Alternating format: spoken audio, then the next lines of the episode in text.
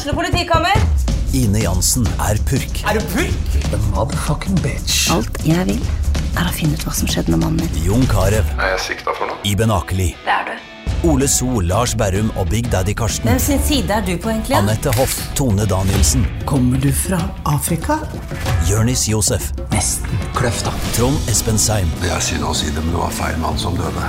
Purk. Premiere tirsdag på TV2 Play.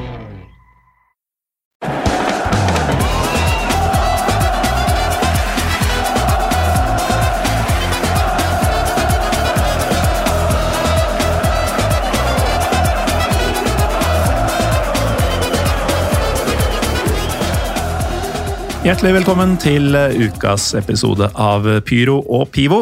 Denne litt forunderlige fotballpodkasten som eh, handler om én ting eh, den ene uka, og noe helt annet den andre. Forrige uke så snakka vi sport. Det gjør vi ganske sjelden. Da var Paul Thomas Clay her og fortalte om nederlandsk fotball og hvordan den ligger an for tida.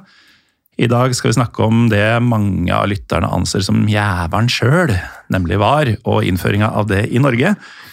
Med meg i dag så har jeg en eh, veldig gammel kjenning i form av Pyro Pivos aller første gjest noensinne. Eh, Per Karsten Nordhaug, velkommen tilbake. Takk, takk, takk. Det er hyggelig å være tilbake. Du er her i egenskap av å være mm, fotballsupporter og Vålerenga-supporter, altså fan av norsk fotball.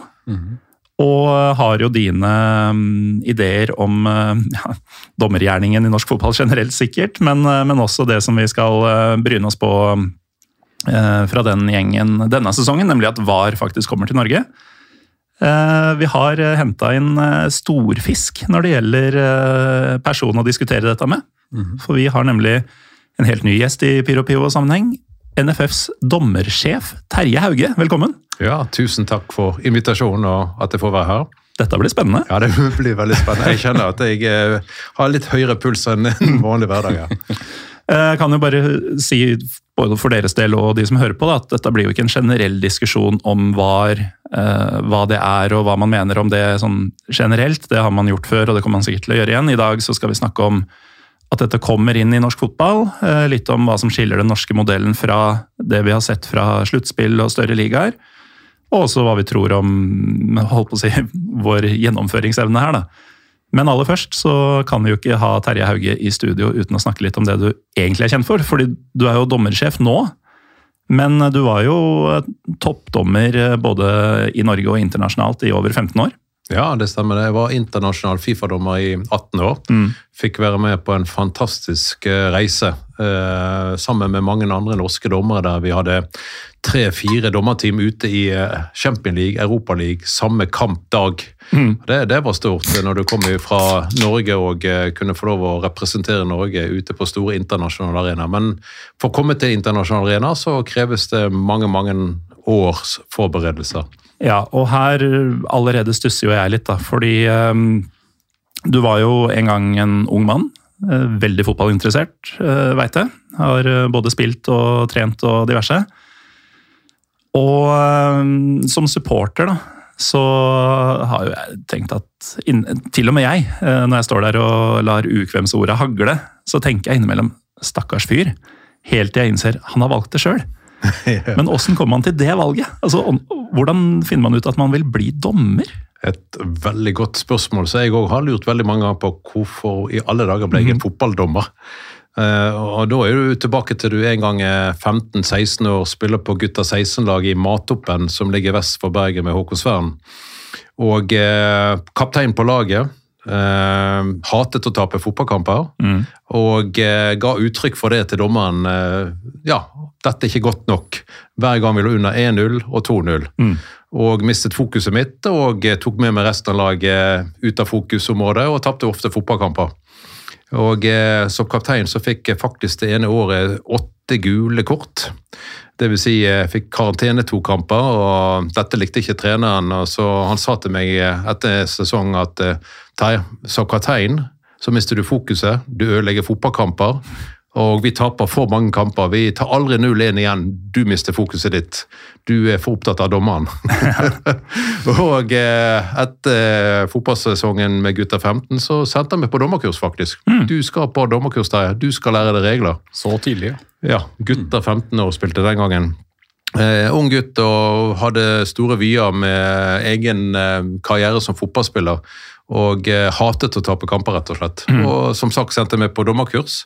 Jeg hadde ingen planer om å bli fotballdommer, men jeg skulle lære meg regler. 16 år i hodet.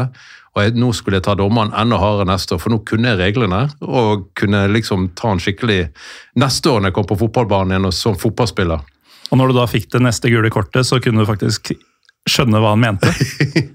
Så kunne i hvert fall Ja, jeg har tatt reglene. Dette kan jeg. Dette er ikke gult kort. Dette er helt feil, dommer. Ja, han Liksom. tok fortsatt feil. Ja, han tok fortsatt feil, ja. Ja. ja. da. Eh, nei, men du kommer fra matoppen en liten plass, og så eh, begynner sesongen igjen. Du er 16 år blitt, og så kommer telefonen. Dommeren er ikke på fotballkamp, Terje. Du må opp og hjelpe oss. Nei, nei, nei, jeg skal ikke dømme fotballkamper. Ja, men du har tatt dommerkurs i vinter. Ja, men det hadde ikke tanker om å bli fotballdommer. Så eh, det er klart det at ok, jeg skal komme opp og hjelpe dere, dommeren er ikke kommet. Og så setter du i gang og dømmer din aller første fotballkamp. Og det glemmer jeg aldri. Med tanke på at nå plutselig skulle jeg ta en avgjørelse om ballen gikk til høyre eller venstre, eller det var corner eller dødball, eller offside, ikke offside, og 22 spillere skulle dekke over. Så jeg eh, husker at wow, dette her var litt vanskeligere enn jeg hadde sett for meg. Men én ting var viktig her nå. Det var at jeg fikk gode tilbakemeldinger. Ja. Etter kampen så var, fikk jeg klapp på skulderen av folk. av, 'Dette gikk jo bra, Terje. Dette var jo eh, veldig bra. Hva er det til å grue seg for det?' Så det er klart at eh, 16 år gammel, og du får oppmerksomhet, positiv oppmerksomhet, en klapp på skulderen, så plutselig så begynte man å dømme litt flere kamper, og her sitter jeg i dag. Ja. Ja, for fra um, barne- eller um, aldersbestemt bredde på Vestlandet, så gikk jo ferden til eh, både Uefa og Fifa. Ja, Uh, 93 du ble Ja. internasjonal. stemmer. Det har jo vært en vei imellom her. Altså, Hvor lenge må du dømme i Norge? Hva må du gjøre for å få det steget? For det er jo ikke alle som blir um, som forlater eh, hjemlandet. Nei, jeg, jeg var veldig heldig eh, i Bergen med at man fort eh, fanget meg opp i forhold til å være et talent. Eh, toppdommerne fra Bergen sluttet 1 og 1 og 1. Man hadde ingen toppdommer fra Bergen. Og plutselig så måtte jeg leite litt lenger ned i, eh, blant de unge. Fant meg, fikk veldig god oppfølging. God veiledning av en som het Arno Dingen. Og eh, plutselig så fikk man eh, hva skal vi si, eh, utfordringer ved å klatre litt i systemet. Og bli eh, presentert til Norges Fotballforbund som en eh, ung dommer eh, i en alder av 22-23 år. Kom inn i den gang uh, andredivisjon, i dag Obos-ligaen. Eh, 88 dette her. Dømte vel 11-12 kamper, og min siste kamp, 88, det var Vard Haugesund mot Viking. Jeg vet ikke om dere husker dette, men da i hvert fall måtte Viking vinne kampen for å rykke opp. Og så står da keeper til Vard, Harald Andresen, med ballen i hendene sine. Kommer Alf Kåre Tveit opp og header ballen ut av hendene til eh, keeperen. Mm. I dag ville jo han blåse TV, I dag ville man blåst et eh, indirekte frispark til keeperen for farlig spill. Men eh, det gjorde ikke jeg. Eh, Ballen forsvant videre. Eh, Keeperen tok tak i beina på Alf Kåre Tvedt, og der ligger han an i bakken. Ja. Jeg går på straffesparket. 2-2 i kampen nå. Skårer de straffe, så blir det 3-2 og Viking rykker direkte opp. Og det gjorde de. Så ja, du kan si sånn at det var en eh, Da fikk man mye oppmerksomhet de neste dagene, eh, selv om ikke man hadde sosiale plattformer den gangen. Ja, for det er jo en annen greie. Jeg merker jo, og det har sikkert litt med aldring å gjøre, men eh, jeg merker jo at jeg, jeg hører jo stadig om færre både kjendiser og TV-programmer og alt mulig og sånn. Det er jo fordi man har en mye større flate å hente informasjon fra. Du kan eh, velge bort det du egentlig ikke er interessert i sånn, men i gamle dager så var det liksom Det var de to TV-kanalene og de to avisene som, eh, som informasjonen kom fra. da.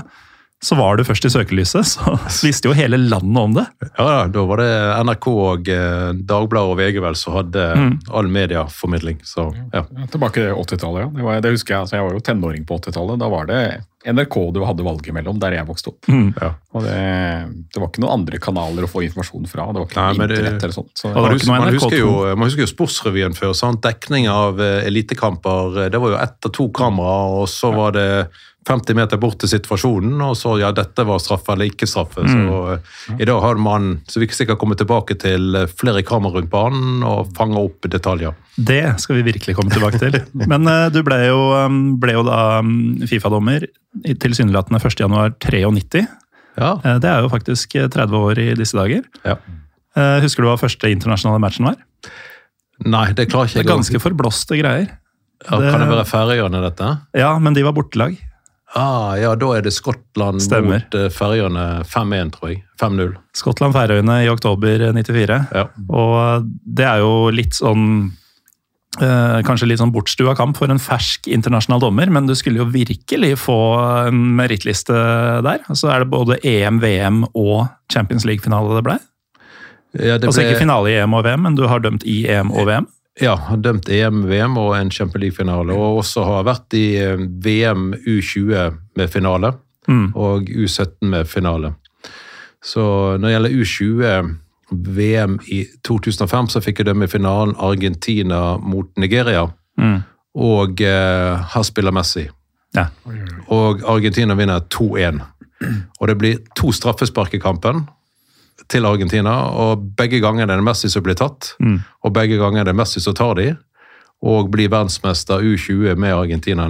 Og neste dag eh, blir profilert Barcelona-spiller. Mm. Ja, apropos profilert Barcelona, det var vel i 2006 at du mista en linjemann, eller assistentdommer om du vil, eh, da du skulle dømme Champions League-finalen. For um, han fantes det da bilder av iført eh, Barcelona-drakt, for du skulle jo dømme, dømme dem i finalen mot Arsenal. Det stemmer. Hva, hvordan er det dette fungerer egentlig? Var dere et team sånn i utgangspunktet som pleide å dømme kamper sammen, eller blir man satt sammen litt mer tilfeldig? Eh, Litt sånn historie at I 2002 under verdensmesterskapet så kom dommere og assistentdommere fra hele verden. Og når jeg dømte verdensmesterskapet i 2000, så hadde jeg assistentdommer med meg i kamp som jeg aldri har hatt med meg før. Mm. Det, I mesterskapet sånn generelt så gikk ikke dette så veldig bra, så Uefa bestemte at fra 2004, to år etterpå, så skulle alle dommerne som kom, ha med seg faste team. Og Da begynte Norges Fotballforbund tilbake i 2002 å sette opp faste team eh, sammen med meg. Og Det var Steinar Holvik og Ole Herman Borgan. Så 2002 til 2004, 2005 og 2006 og fire-fem år eh, hadde vi et fast team, ja. Ja. Åssen er det man øh, Hvordan innvia dere erstatteren på den ene linja, da? Oi, oi, oi. Eh, ja, de fleste kjenner kanskje historien, men det er klart det at eh, kvelden før kampen, finalen Champions League, og jeg har møte med Uefa, hva har skjedd? Mm. Og enden på møtet så sier de at eh, dessverre så må assistentdommeren ut av kampen, du må ringe en ny assistentdommer i Norge. Og husker på at finalen gikk 17. mai, så det var jo full spillrunde 16. mai. Så da måtte jeg tenke, hvor er mine assistentdommere i Norge? Hvor har de beveget seg? Og eh, her var, hadde vi Arild Sunde, så hadde vært på Åråsen 16. mai. Så jeg måtte ringe han full fart og si at du reiser ikke fra Oslo, du blir i Oslo. I morgen så reiser du til Paris og blir assistentdommer eh, for meg her på Champions League-finalen i Paris. Litt, annerledes eh, 17. mai-feiring enn han kanskje hadde sett for seg. Det tenker jeg nok, ja. Åssen tok Så- han det?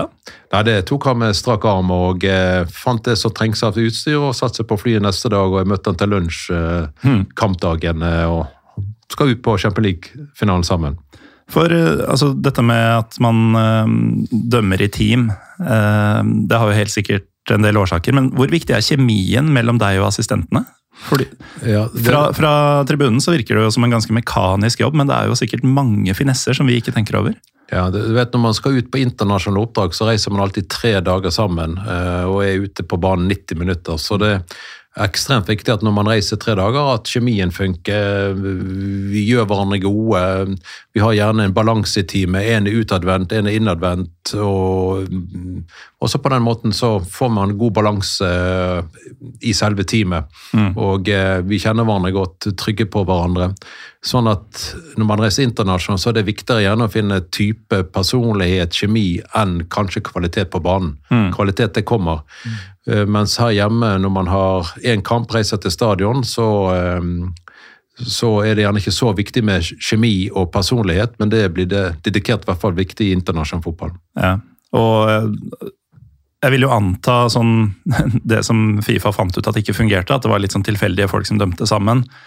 Eh, at du kanskje La oss si at en linjemann, som jeg fortsatt kaller det Jeg veit at det ikke stemmer, altså, men folk veit hva jeg mener. Eh, plutselig vinker for en forseelse som du har hatt blikket mot, og på litt større avstand, men da tenkt her er det ingenting. At du kanskje går en sånn herre Men hva, hva, er det han driver med nå? ja. Den får du kanskje ikke hvis du stoler på, på dem rundt deg. Nei, I dag så er det sånn at uh, lite assistentdommerne vinker, fordi vi har kommunikasjonssystem, så de fleste uh, innspill kommer på kommen, som mm. vi sier, i forhold til frispark, frisparkterrier, uten å måtte løfte flagget. Ja. Men det er klart at kommer vi nedover i systemet, vi har ikke kom lenger i headset, eh, så må flagget løftes. Mm. Og Da er det utrolig viktig at instruksjon før kampene er viktig i forhold til hvor vinker man, hva vinker man på. Og så er det litt lettere å vinke til det forsvarende lag frispark utover enn å vinke til det angripende lag. Mm. Da må vi tenke oss godt over hva er det vi vinker på her nå? Ja. Åpenbar, klar, tydelig, alle har sett det. Ja. Åpenbar, klar og tydelig, det er noen stikkord som eh, Vi får vel nesten komme til stykket, selv om jeg merker jeg kunne hørt mer om eh, dommerkarrieren, men eh, det, er, vel noen stikkord som eh, vi som ser på fotball, særlig fra tribunene, ikke alltid måte, deler hva skal jeg si, oppfattelsen av. At ja. ting er åpenbare eller tydelige eller uh, sikre. Ja. Det, det, kan man mm. trygt si. Det er ikke alltid åpenbart hva som er åpenbart. Mm. Men uh, vi vi skal snakke om eh, VAR, som eh, nærmer seg eh, norske stadioner. Allerede blitt prøvd så vidt det er i Østfold, som jeg også fortsatt kaller det. Selv om det ikke heter det lenger. Vi er jo litt forskjellige folk. Vi har representant for, og leder for, for så vidt, dommerstanden i Norge. Og vi har deg som brøler fra tribunene, Per Karsten. Altså, hva er din oppfattelse av eh, VAR? Nå, nå, har det jo eksistert en del år i større ligaer, du har sett i internasjonale mesterskap. Altså, hva, hva, er dine tanker rundt eh, konseptet? Eh, for meg er det viktig å tenke sånn at når man skal innføre noe sånt som VAR eller andre hjelpemidler da. Jeg jobber jo som prosjektleder, så jeg er vant til å tenke i sånn prosjekttankegang. at ok, Hva er det vi skal oppnå med dette?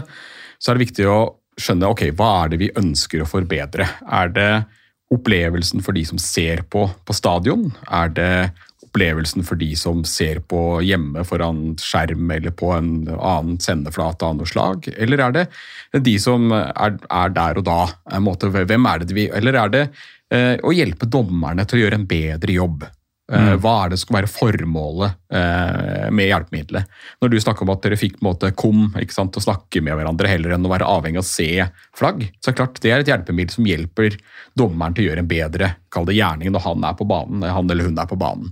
Eh, og det, det er viktig. Og når man skal innføre andre typer kall det teknologier for å hjelpe, det er litt som for meg som ok, det handler om å sikre at infrastrukturen rundt kampen er best mulig for alle som skal delta på kampen, enten de er spillere, dommere, trenere eller tilskuere, sånn som jeg er, som står og skriker både 'dommerjævel' og andre ord som sikkert ikke burde gjengis på trykk innimellom eh, fra tribunen. Så det må, det må være et formål med det. Og så må det veies opp mot ok, hvis vi innfører teknologi A eller B, så må det veies opp mot ok, hva er, kall det, kostnaden i andre enden. Er det mm. sånn at det forårsaker store endringer, uten at vi skal gå for langt inn på det prinsipielle rundt VAR. Da. Så er det sånn måte, okay, Blir det noen store endringer i dynamikken i spillet som følge av teknologien? Jeg tenker at en eh, kom-tjeneste mellom dommere eh, det endrer ikke så mye av hva skal jeg si, flytende spillet. Fotball er et veldig dynamisk, kontinuerlig flytende spill. Ja, Om noe så effektiviserer det vel kanskje. Fordi dommeren må ikke løpe bort til assistenten for å diskutere noe, ja. de tar det der og da. Og Det, og det, det gjør at du sikrer det som er et av det grunnprinsippene for meg i fotball, nemlig at det skal være et flytende, dynamisk spill som har få stopp. Hvor faktisk det å jeg, kaste bort tid, da, for å bruke det, det uttrykket, det skal faktisk, faktisk straffes. Og, og spillere som jo hindrer spillets gang og forsinker spillets gang, det er jo et, mm. kall det en straffbar eh, forseelse i, i, fotball. Og da tenker jeg, um, skal man innføre noe sånt som VAR, da, som på en måte Så er vi avhengig av at det eh, hva skal si, balansegangen mellom fordelen for de som jobber, og fordelen for de som spiller, og fordelen for de som ser på, enten de nå ser det på stedet eller, eller på en annen, annen eh, flate, at de ikke får en veldig annerledes opplevelse. Eh, Min erfaring fra Jeg er jo ikke så opptatt av engelsk fotball som du refererte til. Jeg pleier å måtte svare Celtic i Skottland når noen spør meg ja, hvem holder du med i England. For jeg bryr meg ikke noe om Premier League. Jeg har aldri, aldri hatt noe interesse av det. det.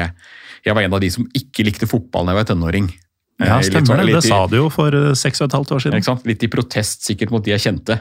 At, for da var det fotball, fotballfans at jeg gadd ikke bry meg om det. og De hadde alle sine favorittlag i England. Jeg ville ikke ha noe med det å gjøre. Ehm, så, når jeg, så jeg, min referanseramme her litt, det er typisk eh, Tyskland. For jeg er lidenskapelig eh, supporter av et eh, lag i Tyskland som heter St. Pauli. Har vært ned og der mange ganger. Det snakket vi om første gangen jeg, var- første gangen jeg var her. Mm. Eh, men også av Vålerenga her i Norge. og måte, Vi har sett erfaringene er Jeg tror erfaringene fra Tyskland nok for er bedre enn for eksempel norsk, mange norske Premier League-fans har fra England. For de opplever at VAR-avgjørelser tar veldig lang tid. Og det er ofte sånn at det tar lang tid fra VAR-bua, eller eh, nå da Holbergs plass, som jeg skjønte at det skal, skal holde til på, eh, melde til dommer at her er det noe vi vil se på. Eh, og så kan det gå én, tre, fem timer, opptil ti minutter har jeg sett måte, fra kamper. Og, så, og etter ti minutter skal fortsatt dommeren så bort til skjermen for å se hva det er de har funnet ut at de vil han skal, eller hun skal ta en avgjørelse på. Og da, da brekker vi opp den dynamikken og denne, denne flytet og dette, dette som foregår i spillet. La oss si hvis eh, ditt lag Lillestrøm eh, Morten, og mitt lag Vålerenga møtes på, på Intility, da, som er jo en av de mest moderne arenaene vi har, så er jo alle infrastrukturfasilitetene på plass for en god løsning for alle, nesten alle disse tekniske tingene. Ok, så har vi en situasjon hvor det står 1-0 og det er fem minutter igjen, og enten Lillestrøm virkelig har momentum for å drive inn en utligning, eller Vålerenga har virkelig trykk for å drive inn den 2-0-skåringen som kanskje dreper denne kampen en gang for alle, og vi vinner på hjemmebane. Og så kommer det en situasjon som tar 1-3-5 minutter av tiden. Da rekker kanskje det laget som har hatt trykk, de mister momentumet sitt, mister effekten ikke sant, av det å ha et press som og de har funnet ut av løsningene eh, i Lillestrøms forsvar. Eller andre veien, at de som er forsvarende lag, finner ut at ok, hvis vi bytter om de to midtstopperne våre, så kanskje vi klarer å ta ut eh, Osame Sarawi på vei gjennom hele tida. Eh, de situasjonene og de mulighetene som man har skapt ved å måtte skjønne motstanderens spill, de blir brutt opp. Og det det, er, det er, en av de tingene jeg er veldig bekymra for. Mm. At det måtte blir sånn, Og for oss å være da mest til stede på stadion når dette skjer, og ikke ser så mye tippeliga på TV Jeg må innrømme at jeg er ikke på fryktelig mange bortekamper i året, for det er mye reising eh, involvert. Og, men når jeg er på bortekamp, eller jeg også er på hjemmekamp, så er jeg avhengig av ok, hvis det blir en publikumsopplevelse som tar lang tid, en kamp som skal være 45 pluss 45 pluss en 15 minutter pause, og så tillegg for ja, bytter og eventuelle situasjoner og skader. Eh, Hvis den plutselig blir 45 pluss 10 minutter påløpt tid i en omgang, og så 10 minutter i andre omgang, og så har det gått eh, Så er omgangene plutselig 55-60 minutter. Eh, Og for oss på stadion så blir det tomrom hvor det ikke skjer noe, men alt vi ser er en stor skjerm hvor det står 'sjekk av var'. For det er jo um, Jeg har jo vært en del rundt i Europa og opplevd VAR fra tribunehold også, og det er jo en veldig stor forskjell i opplevelsene her. Eh, som TV-titter hvor du får bildene fortløpende, du får kommentarene rundt eh, og en diskusjon på skjermen, mens står du på tribunen, så står det et VAR-symbol på skjermen, og så står man og tripper og venter og lurer. Ja, men dette har, sett, det, dette har jeg også sett både i, i Tyskland og andre land, at det samme skjer der. Men uh, uten at jeg er noen ekspert på hvordan de implementert var i Tyskland. Der har de vært Hva skal jeg si om det er for etter det veldig stereotypisk å si, kanskje, men tysk effektivitet, eller de har brukt store midler på hva skal jeg si, kompetansen til de som sitter i varerommet. I, det er vel i Köln mm. selv varerommet er. At de har brukt kanskje mer tid og penger enn jeg har hatt inntrykk av at vi har gjort i Norge til nå da, på dette, gjør at avgjørelsen ikke nødvendigvis tar så lang tid. Det er kanskje ett-to minutter, og så kommer det et en avgjørelse eller en siste videosjekk av dommer. Da holder det ut, men det øyeblikket det tikker over to-tre minutter, og du er liksom, ikke minst eh, også supportereffekten som vi snakka om litt før vi begynte i dag. Det at det skal være stemning på stadion med sanger mot hverandre, litt sånn kamp på tribunene, pyro ikke minst, og røyk og alt som måtte hører til, og flotte tifoer. Hvis du da isteden blir stående og trippe og tromme med fingrene litt på, på gelenderet og lurer på ja, skjer det noe, eller? Mm. Men eh, hvis jeg oppfatter deg riktig, så er kanskje din hovedbekymring eh, at det skal rokke ved holdt på å si, fotballens vesen? da, altså Flyten og dynamikken i spillet, det organiske spillet fotball som vi har kjent til i mange mange tiår. Mm. Men eh, du Terje, som altså, på vegne av dommerne eller på vegne av Fotballforbundet eller på vegne av deg selv, hvem du nå Hvilken hatt du vil ha på akkurat nå? Ja, jeg- hvordan, hvordan er ditt inntrykk av var sånn det har vært før det har kommet til Norge? Altså hva konseptet var? Eh, Altså, Jeg forstår Per Karsten sine bekymringer, sine innspill, sine tankesett oppi dette. Eh, I Norges Fotballforbund så har vi i hvert fall valgt at når vi da har oppnevnt hver prosjektgruppe, så har vi valgt å ta inn eh, NSA. Og vi har en Espen Viken som representerer kjernen Rosenborg eh, på alle våre møteplasser, i hvert fall invitert. Og det er jo det, han, er, han er ikke fan av VAR, men han er veldig opptatt av det som vi er inne på her nå, stadionopplevelsen. Hvordan skal stadionopplevelsen bli nå, slik at folk kommer på stadion og ikke foretrekker stua og TV fremfor å gå på stadion. Og eh, Senest jeg kommer fra prosjektgruppa her og nå i dag, eh, opp ifra fra VAR-senteret. Og det vi diskuterer, er jo storskjerm. Hvordan skal vi få eh, brukt storskjermen, formidlet VAR på storskjerm, til at publikum som er på stadion ser dette som en OK opplevelse. Eh, Så vi har veldig høy prioritering og veldig stor fokus på bruk av storskjerm knyttet til bruk av VAR. Eh, Når det gjelder selve VAR, hvordan skal det fungere i norsk fotball, så ser vi hele tiden til Uefa. Eh, Uefa har sagt med Rosetti som dommersjef 'clear and obviously'. Dette skal være en høy, høy list, og VAR skal ikke begynne å overta dømmingen ute på banen. Vi skal videre jobbe med å utvikle gode kampledere, som ligger høy frisparklist, eh, som får flyt i fotballkampene, og hva skal ta eh, avgjørelser som ikke gjør at det blir skandale når kampen er ferdig. Eh, og så har vi protokoller, klar og tydelig hva vi skal egentlig gå inn og se etter.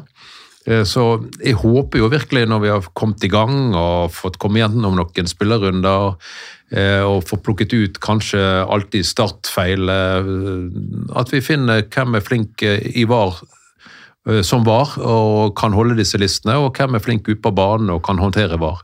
Så vi er veldig opptatt av dette eh, at vi må ikke overta og dømme fotballkamper. Det snakker vi veldig mye om. Eh, Samtidig, når jeg bare liksom henger på her, VAR er jo også et verktøy som forebygger for usportslighet. Altså, før VAR så, så jeg eh, trender i fotball på veldig mye simulation. Altså, man falt lett i straffesparkfeltet. Man lurte lett dommeren. Det ble dømt straffespark som ikke skulle vært dømt. Dette er plukket vekk nå. Og jeg ser at spillere inne i straffesparkfeltet faller ikke så lett som før. Jo da, de kan falle lett, men det er i hvert fall kontakt. Det er ikke sånn at man prøver å falle uten at det er kontakt. De faller når de har lov til å falle. Nei, det, det er kontakt, og så er det noe vi i fotball kaller for light kontakt og soft kontakt. Light kontakt det kan være at det er berøring på beina som gjør til at de benytter anledningen til å falle når det er kontakt. Og så soft, det går litt mer på kroppen, at det er kontakt med ryggen, eh, hofte, mage ja, det, er kontakt i kroppen, og så faller man. Altså, nei, dette var litt for soft. Her faller man litt for lett. Vi, eh, og da handler dette om å få lista så høyt opp, og hva må ikke gripe tak på sånne situasjoner som dette her. Kan jeg eh, gjøre som var, og bryte litt inn i dynamikken i diskusjonen her nå? Fordi Siden du nevner dette med fall. eh, Litt sånn dommerteknisk spørsmål, kanskje. Men eh, en ting som eh, lekfolk ofte snakker om, da, er at en angriper som, eh, som faktisk blir tatt, men holder seg på beina, eh, og kanskje kommer litt ut av balanse og skyter utafor, og ville hatt fordel av en straffe i den situasjonen, og egentlig skulle hatt det, og antagelig ville fått om han falt. Man snakker jo da ofte om at eh, han blir straffa for å prøve å holde seg på beina. Altså, Hvordan fungerer eh, Hvordan tenker dommere på de situasjonene? For, eh, du skjønner hva jeg mener? Jeg skjønner hva du mener, og hvis dommeren oppfatter at eh, han kom i så stor ubalanse, mistet en eh, åpenbar mulighet, så blir dette straffespark. Og jeg er helt sikker på at vi har helt sikkert noe å hente her, vi dommere, til å blåse straffepar på denne type situasjoner som dette her. Så um, det skal ikke jeg eh, stå og forsvare at vi gjør riktig i alle disse situasjonene. Og så igjen, eh, det kontakt. han mister balanse, så kan det være til at um, dette var for liten kontakt hvis han skulle falle, til at vi hadde blåst straffespark. Så Ja. det er ikke sikkert det hadde vært blåst selv om han falt. Nei. Nei. Ja, for det har vært nok av både supportere og um, eksperter i studio som sier at her blir han straffa for å ikke kaste seg. Mm. Samtidig, jeg måtte, blir jo sånn sett glad for å høre ok, hvis vi, kan, hvis vi kan få bukt med det vi supportere gjerne liker å kalle filming, Mm. så er ingenting i mitt hode bedre enn det. Eh, fotball skal være en, en tøff sport. Det trenger ikke være hva skal vi si, kontaktsport på nivå med amerikansk fotball, som vi også ser på, som jo også har videodømming ved en Mm. helt annen måte. For der er det jo stopp i spillet underveis. Så det skal være stopp i spillet ved hvert, hver situasjon. Ja, og så, så er det ikke det, ikke sant. Og der er Og det jo naturlig. naturlig, Uh, og det er jo også en del av spillet at uh, altså Jeg vet ikke om du har sett noe særlig på NFL, eh, NFL Terje, men der er det jo sånn 'every scoring play is reviewed' og sånn, og det er en del av greia. Ja, men der, der har du, Og- og- og har du det jo stopp i kanskje- spillet underveis, Ja. som på en måte skal fange opp de situasjonene. Du skal sjekke alle tingene. Men der er det også Men alle scoringer skåringer blir jo sjekka uansett om, det, om de ser klare ut eller ikke. Og det er jo litt eh, sånn, Vi snakker litt om forskjellige modeller av VAR, og du sier man skal kun gripe inn dersom det er tydelig. altså Trenger vi å være redde, vi som står på tribunen, for at en scoring alltid blir granska? Ja. ja. Ja, Alle målene blir granska. Eh, absolutt. Eh, Innenfor protokollen så skal alle mål granskes. Så hvert mål som blir skåret i Eliteserien, blir gransket tilbake til angrepet begynte. Ja. I, I forhold til eh, Taklet angrepsspilleren så tøft og hardt på forsvarsspilleren, overtok ballen, at det skulle være frispark? Kan være at ja, det her må vi gå tilbake og si at dette målet må vi avlyse fordi det skulle vært frispark til det forsvarende lag når angrepsspilleren overtok ballen. Så vi må tilbake og se. Og så er det selvfølgelig dette med offside-linja eh, vi må også sjekke på i forhold til, til målene. Så som i NFL, eh, every scoring play is eh, reviewed. Ja. Men hvor, uh, igjen da, dette med um, åpenbar, altså clear and obvious og sånn, hvor La oss si at uh, stopperen har i en litt sånn knoklete duell vunnet ballen, og så starta det angrepet som ender i scoring. Hvor tydelig må det være at, at, det, var, uh, at det skulle vært frispark? Hvis det er en skjønnssituasjon, eh, vil man da la det gå? Vil- altså, da er det igjen opp igjen tilbake til lie-kontakt, eh, eh, litt av fotballen. Er han på ballen først? Eh, så det er jo en del kriterier. liksom at Er man på ballen først, og så er man på mannen, ja, ok, vi spiller videre. Det kan være at dommeren jeg har sett det, det har vært kontakt, men han er fair, den er på ballen, vi spiller videre. Så mm. Avar og VAR som sitter i senteret, de hører på dommernes kommunikasjon, og hvis dommerne har full innsyn og eh, beskriver situasjonen, dette lar vi gå, så skal det veldig mye til for at VAR Avar går inn og griper tak i dette, uten at det er helt åpenbart på foten først, før ballen. Når eh, vi vinker dommeren bort på skjermen, så skal det være så åpenbart at dommeren trenger kun å se på dette én gang, to Ja, dette må vi ut og annullere og eh, dømme frispark til det forsvarende lag. Mm. vi, vi må ikke invitere dommeren bort på skjermen, og dommeren bruker et halvt minutt på skjermen for å se dette ti ganger. Da er ikke dette clear and obviously. Nei, ikke Men, det, sant? men vi kommer helt sikkert til å ha disse situasjonene, og da er det viktig at vi lærer av dette her, og setter lista, lista med enda litt opp her. Ja, du, du, du toucher på eh, noen av de områdene som jeg både har hva skal jeg si, forventninger til det som kommer, men også hva skal jeg si, skepsis til det som kommer. Eh, Vi har sett eh, Det har vært mye diskusjon blant fotballfans i Norge siste, særlig siste årene med tekniske, lette spillere som kanskje er måte mindre hva skal vi si, som du sier, knokkel og, knokkel og knuff. Mer eh, Sarawi, mindre Garnås. Ja, fritt valgt eksempel, eller vi har vel hatt noen Det har vært noen forsvarsspillere i, i, i et lag i gult eh, med, med fornavn Frode, som vi har eh, Ja, han heter. Espen nå. Ja, Garnås. ja. Riktig. Nei, eh, hvor vi ser på en måte Ok, her eh, snakkes det om ok, det har snakkes om å beskytte spillere. Klarer vi å fange opp det bedre med VAR? Det er en av de tingene som jeg er både jeg har en forventning om at forhåpentligvis skjer, men en skepsis til at skjer, i og med at dommerne mi, fra mitt perspektiv da, i så liten grad, og det, dette er ikke bare pga. en viss spiller på Vålerenga som har vært utsatt for mye av dette, Osame Sarawi, men også andre tekniske, fintspillende spillere på både Lillestrøm og andre lag som har vært måte, riktig det gode der, hvor vi ser situasjoner som eh, i utgangspunktet enten bør det være kort eller frispark, men som ikke blir stoppet, hvor spillet blir gått, eh, går videre.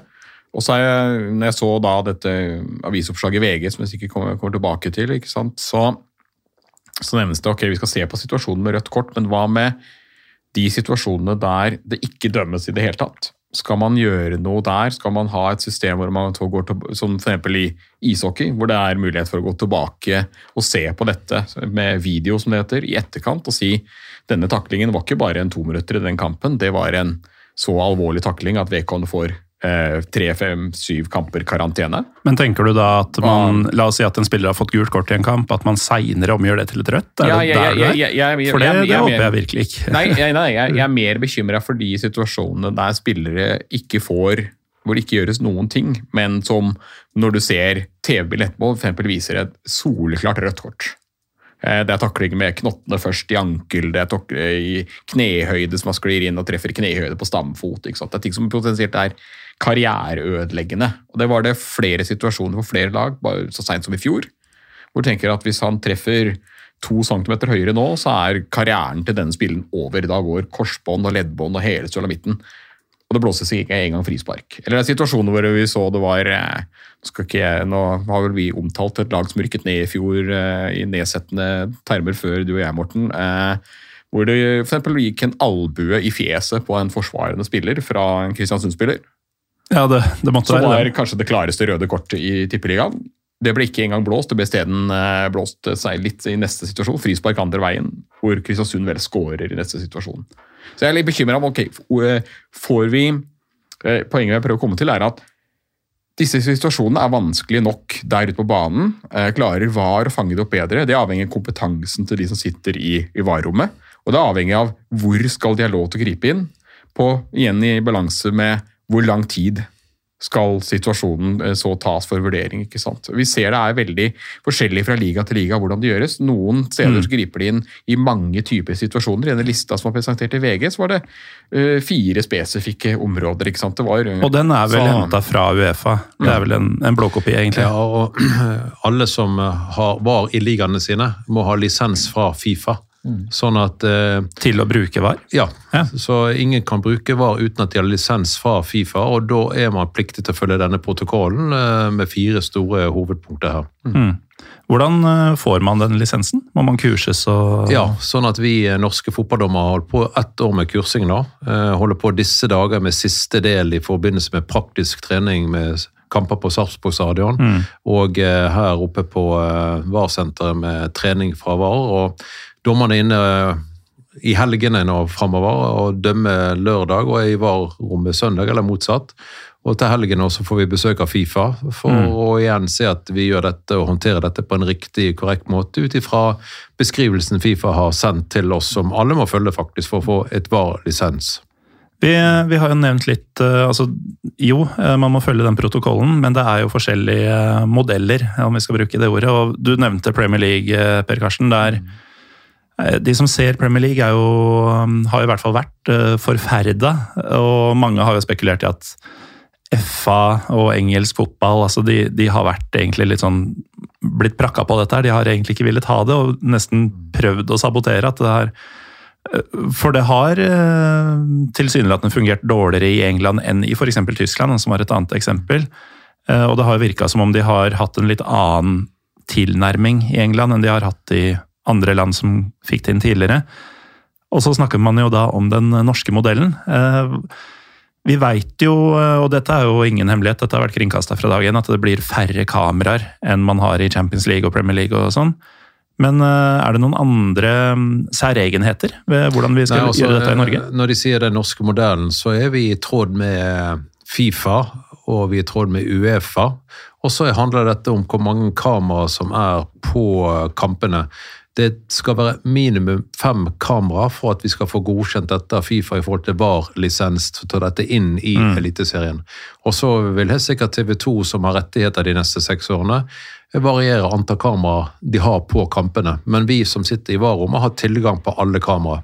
Så det betyr at det kan være forskjell fra Se åtte kamper i en runde, så er det forskjell fra én kamp til kamp åtte, eller hovedkampen med ti-tolv kamera, til en kamp klokka fem en søndag med fem-seks kameraer. Mm. Det blir det forskjell på. Ja, nå, nå, nå kommer du til det som kanskje var min Ja. Det som har vært mest skeptisk til, da, men vi, vi kan det jo Ja, jo, men altså, vi, det er jo disse tingene vi skal gjennom da, og belyse litt. Og så får, um, igjen som jeg sa innledningsvis, dette er ikke en diskusjon om man er for eller mot VAR i dag. Folk får uh, høre på argumenter for og mot og danne seg sin egen mening. Men vi er jo en chatgruppe sammen, uh, Per Karsten, og du, um, du leser jo denne VG-artikkelen i helga. Ja. Hvor man er forberedt på um, kritikk av den norske modellen, som det da ble kalt i den saken. For øvrig det er gjennom en annen som jeg tok kontakt med først, Knut Kristvang. Ja. At du er her, Terje. Ja, det stemmer. Jeg skulle hilse så mye fra Knut. så Jeg skulle gjerne vært her selv, men eh, måtte dessverre, ja, dessverre være på et annet møte i dag. Men du, du leser den saken på lørdag eller søndag, og uh, det, det kom jo noen meldinger i den chatten. Det kom noen meldinger i den eh, chatten, og jeg, jeg er jo aktiv på både Twitter og andre sosiale medier. Og det, det som jeg kanskje En av de tingene jeg reagerte mest på Jeg måtte innse at ok, debatten var den eh, om hvorvidt det kommer eller ikke. Det, den, den debatten er på en måte sett og vis over. Det viktige nå er som sagt, hvordan skal dette implementeres, og hvordan skal det evalueres underveis. Det er på en måte de tingene jeg er bekymret for. Og det er litt sånn prosjektlederhodet mitt som slår inn igjen. Ok, Hva er kriteriene for at dette er en god løsning, en dårlig løsning eller en ve veldig bra løsning, veldig dårlig løsning? Eh, når du sier at det er det potensielt vil være fors en forskjell i antall kameraer på forskjellige stadion, da blir jeg umiddelbart veldig bekymra.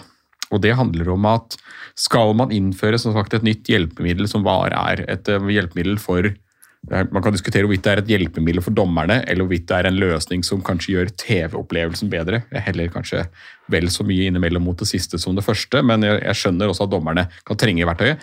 Og da er det sånn, ok, hvis det, jeg, jeg er jo vant til å gå på Intility Arena her i, her i Oslo, som er kanskje en av de mest moderne fotballstadionene vi har i Norge, med alle fasiliteter, mange kameraer. Det er lagt opp til at man også skal kunne ha veldig gode forhold for TV-produksjon. ikke sant? Det er en del av å bygge moderne stadion. Og så har jeg vært på kamp på, på Hamar, på Briskeby. Eh, og jeg har vært på eh, det som neste års tippeliga kanskje fortsatt er og blir den verste stadion. Og dette mener jeg ikke til forkleinelse for laget der ute i Bærum, men Stabæks Nadderud er en forferdelig stadion for en publikumsopplevelse. Den er dårlig bygd, banen er ujevn, den er så lite flat at hvis du står på riktig sted, så ser du ikke mållinja på andre siden av banen engang. Det er ikke kjangs. Eh, og jeg vet at fasilitetene der er ikke nødvendigvis veldig godt tilrettelagt for mange kameraer. Og det finnes andre stadioner rundt Norge. Vi hadde Jerv oppe i Tippeligaen i fjor, som hadde en måte, kanskje en av de enklere stadionene. Og da tenker jeg, hvis kamera, altså hvis den tekniske løsningen på hver stadion er forskjellig, og for hvilke fasiliteter de som da skal sitte på holdbar plass i VAR-rommet, har tilgjengelig for å bistå dommeren, er forskjellig fra kamp til kamp. Da er vi allerede inne på et sted hvor det kan være potensial for en urettferdighet i hva de ser og ikke, kontra og sammen med dommeren, hva de ser og ikke. Dette handler om infrastrukturen, rammen rundt spillet. ikke sant? Hvis du har en videofeed med tolv kameraer på Intility, og eh, kamera 9-10 fanger opp denne situasjonen som skulle vært en offside eller en straffe eller en, et annullert mål, mens kameraene ute på forblåste Nadderud står eh, og veiver i vinden og ikke får det med seg. Eh, Da er du igjen på denne situasjonen hvor hvis dette da blir en kampavgjørende situasjon hvor det skulle vært en avblåst scoring, det skulle vært et rødt kort, en straffe, Rett og slett at Så- man tenker at hvis denne kampen hadde gått et annet sted, så ville det vært dømt. så ville det vært oppfatta på på grunn av de tekniske fasilitetene. Det er jeg bekymra for. Jeg tror TV 2, dette må jo andre svare og bekrefte 100% men har jeg forstått TV 2, så handler dette om at er det hovedkampen søndag klokka 19.15 vil få 10-12 kamera.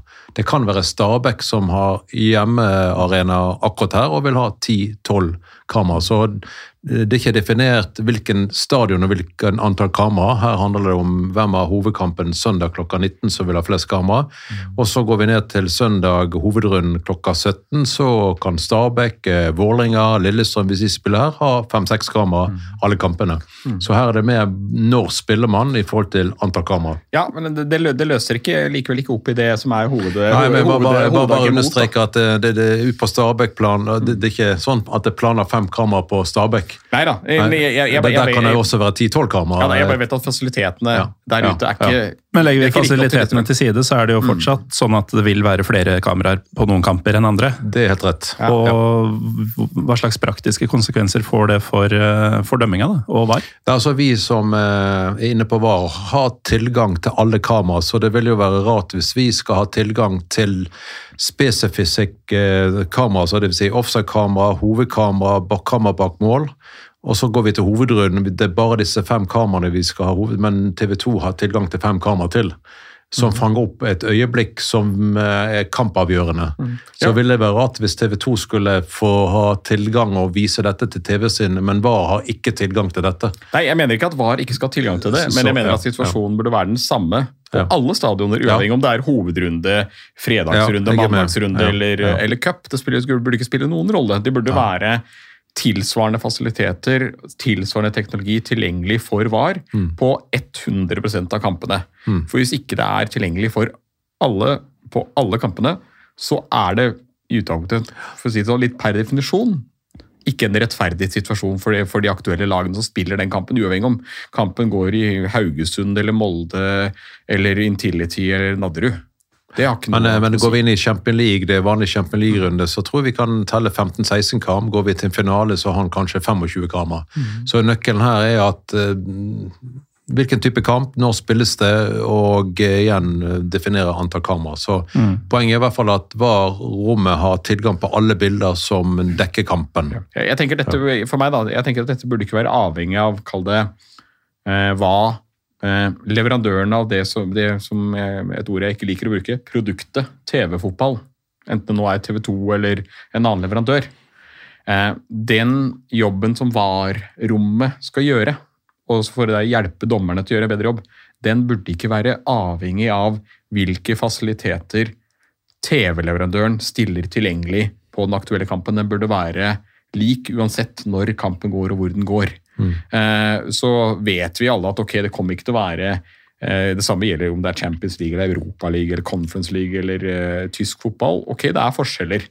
Eh, men mitt inntrykk er at i, i hvert fall i andre land hvor det er implementert, så sier man at vi, vi setter ikke noen begrensning avhengig av hvilken kamp det er, på hvilke måte kalle det videofeeds de skal ha tilgjengelig. Skal være, det skal være et absolutt minste minimum.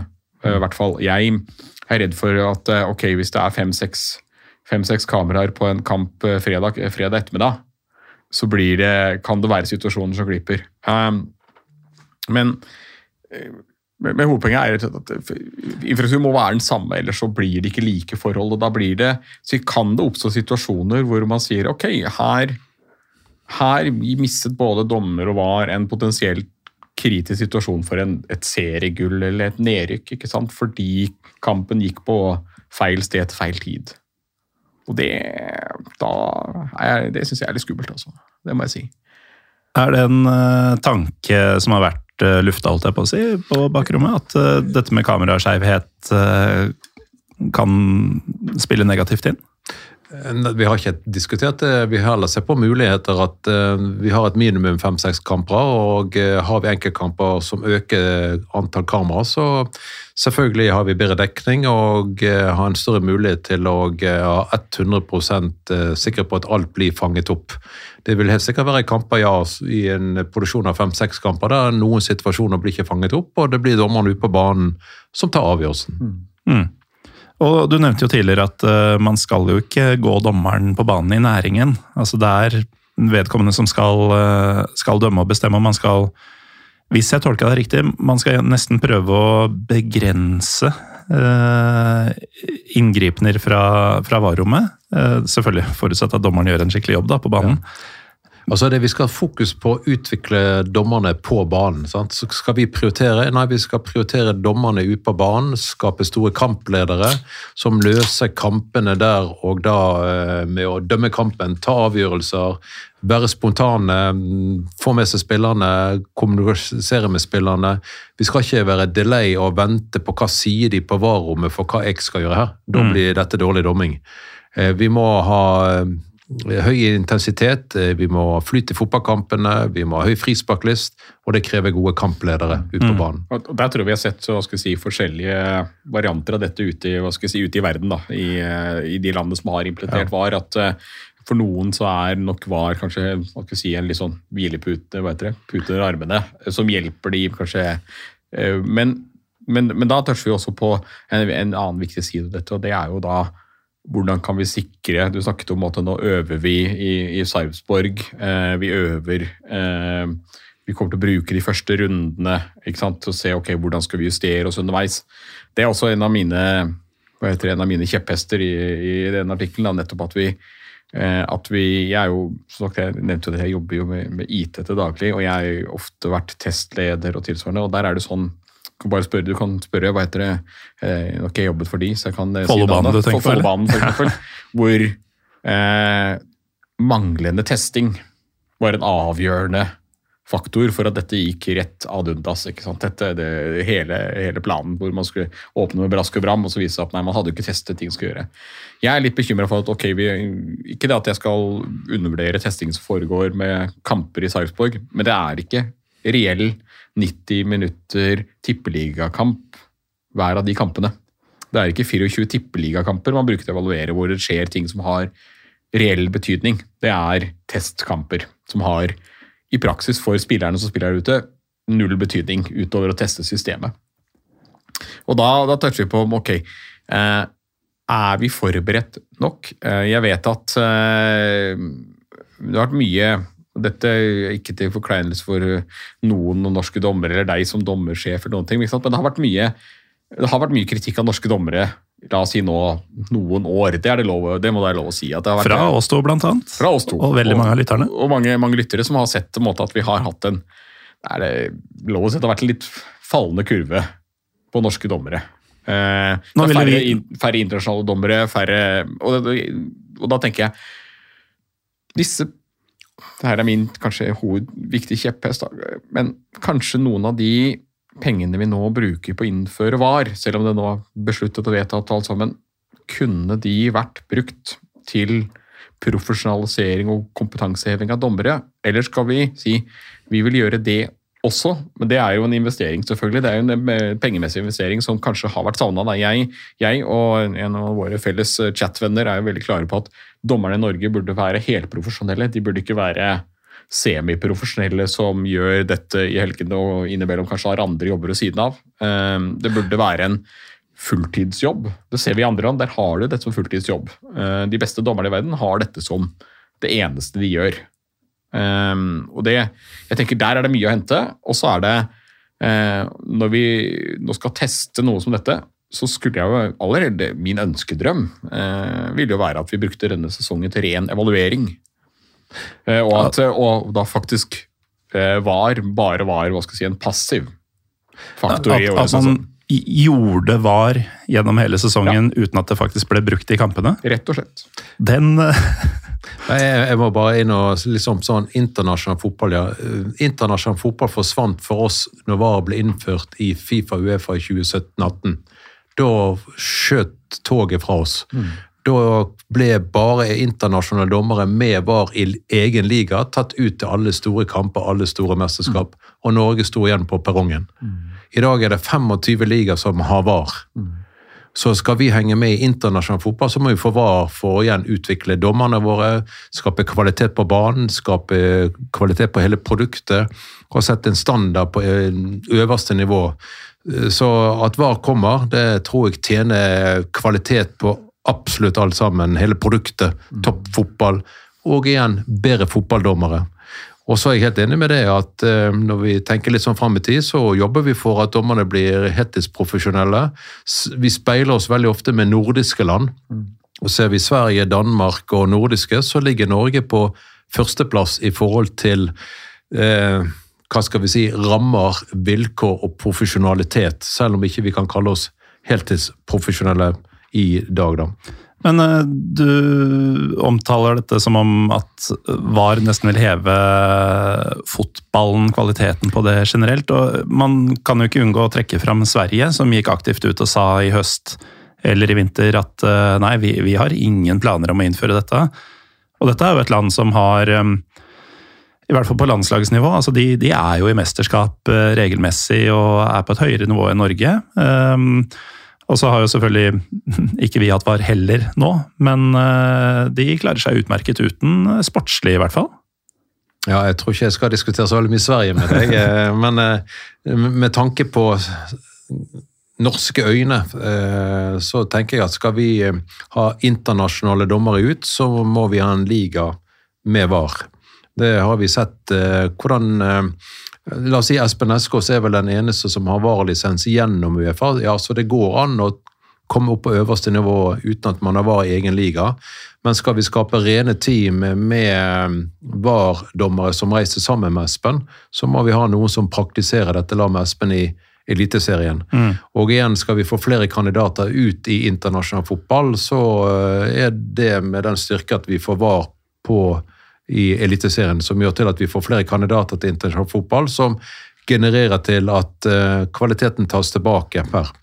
Og så eh, er det sånn at det er 25 ligaer som har innført dette her. Eh, Siste nytt jeg fikk fra Uefa er at ti ligaer til holder jobber med nå med implementering og etablering. Altså en 35 liga i løpet av et års tid. Av en ca. 53-55 ligaer i Europa. Så jeg tenker internasjonal fotball går fort framover, og jeg tror at ja, vi bør henge med. Og når det er sagt, så tror jeg også VAR er med å skape bedre kvalitet på fotballen. Bare ref VM-kampene som nå. Fantastiske fotballkamper. Høy frisparklist. Flyt i fotballkampene. Dommerne var veldig gode utpå. Det inspirerer meg å se hvor flinke dommerne var ute på banen. VAR ble lite brukt. eh, Lite stygt spill, få røde kort, fordi spillerne vet at dette blir fanget opp og blir plukket. Lite usportsligheter, lite simulation-filming inne i straffesparkfeltet. Dette blir også plukket opp. Eh, Assistentdommerne har delayed flagget sitt så det blir flere angrep. Går ballen ut, så fortsetter keeperen med ball. Ok, dette var offside, ja, men det blir ikke mål, vi spiller videre. Så det blir færre avblåsninger, flere stopp i spillet og mer flyt i fotballkampene. Og så kommer det clear and obvious situasjon. Ja, da må vi stoppe opp. Vi skal ikke ha noen skandaler ut av dette her. Vi må bare ta en liten stopp i bakken. Og da er det en bruk av tid, en liten nøkkel som eh, jeg òg ser at eh, det blir det vi må jobbe beinhardt med i VAR i norsk fotball for å korte ned på tida. Og da trenger vi erfaring og læring, og første året eh, finne ut hvem egner seg inne på VAR-rommet som VAR-dommer og kan handle dette fort, sånn teknisk, og hvem egner seg ut på banen. Så igjen avslutte med Går vi inn i liga, Tyrkia vi snakket litt om, der har vi faktisk nesten bare rene VAR-dommere. Beste VAR-dommerne inne i ligaen sitter på VAR-rommet. De dømmer ikke kamper engang. Og så de som dømmer kamper, er kun ute på banen. Så man skiller seg av til to grupperinger.